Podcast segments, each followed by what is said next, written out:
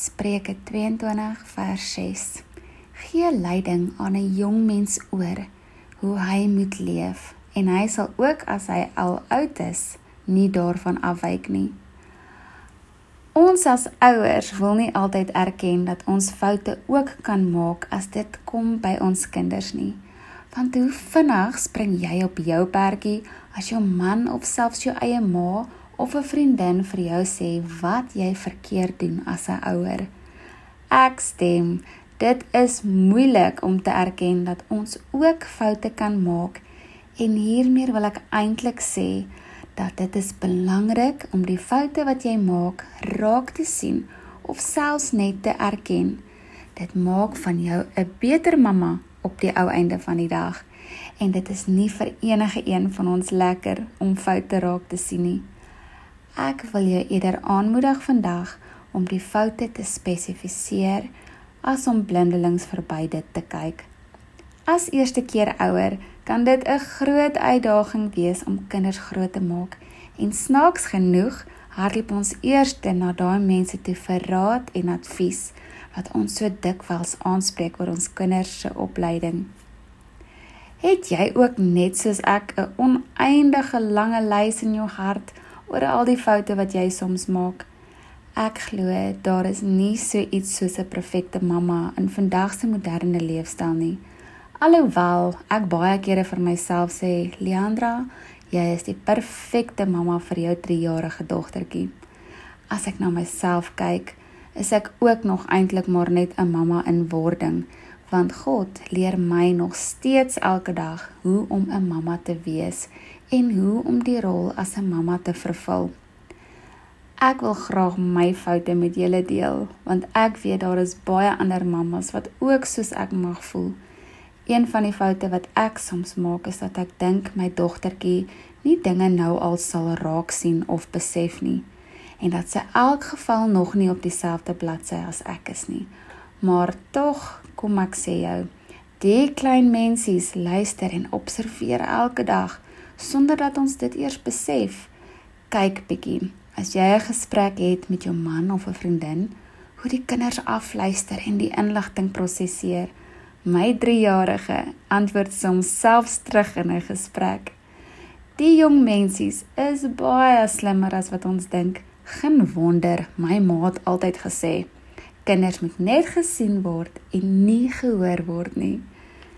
Iets wat ek as klein dogtertjie van my ouers afgeleer het, is een van God se karaktereienskappe en dit is onvoorwaardelike liefde. My ma en pa het my liefgehad ongeag my foute en keuses as kind in die huis. Dit is iets wat ek as nuwe mamma saam my dra elke dag en dit is om daarna te streef om 'n ouer te word vir my kind nes my ouers vir my was. Probeer ten alle tye jou kind aanvaar nes hulle is en moet hulle nie vergelyk met die buurvrou of jou beste vriendin se kinders nie. Jou kind is uniek en daar is geen ander een soos hulle nie. En sodra jy dit besef, leer jy ook hoe om jou kind onvoorwaardelik lief te hê. Ek word baie maal ongeduldig want ek is 'n besige en haastige mamma en my dogtertjie moet net aanpas. So besef ek dat ek maak meeste van die keer al my dogtertjie se besluite vir haar en gee nie duidelike opsies of redes met my verduideliking aan haar nie en gee haar nie die geleentheid om haar eie besluite te neem nie. Ek besef hoe belangrik en hoe nodig is dit vir jou kind om self verantwoordelike besluite te neem jy as ouer help nog steeds met die leiding van jou kind se besluitnemingsproses. As ons heeltyd net nee sê en nie verduidelik of opsies gee terwyl jy jou vinnige en haastige lewenstyl najag nie, gaan jou kind nie leer hoe om self 'n goeie en gesonde besluit te maak nie. Ek sukkel selfs vandag nog om besluite te neem omdat ek nooit as kind geleer het hoe om besluite te maak nie. 'n praktiese manier is.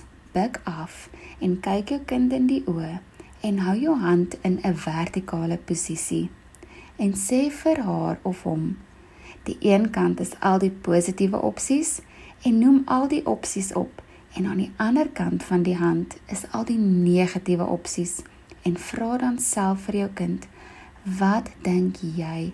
Wat is mamma se antwoord?"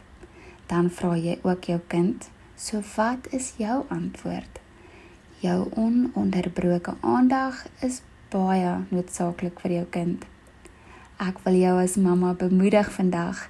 Gee jouself die krediet om te weet dat jy as mamma doen jou heel beste om 'n goeie ouer te wees in terme van jou kind se opleiding en die beste basiese gesonde fundamentele onderrig en die waardes moontlik.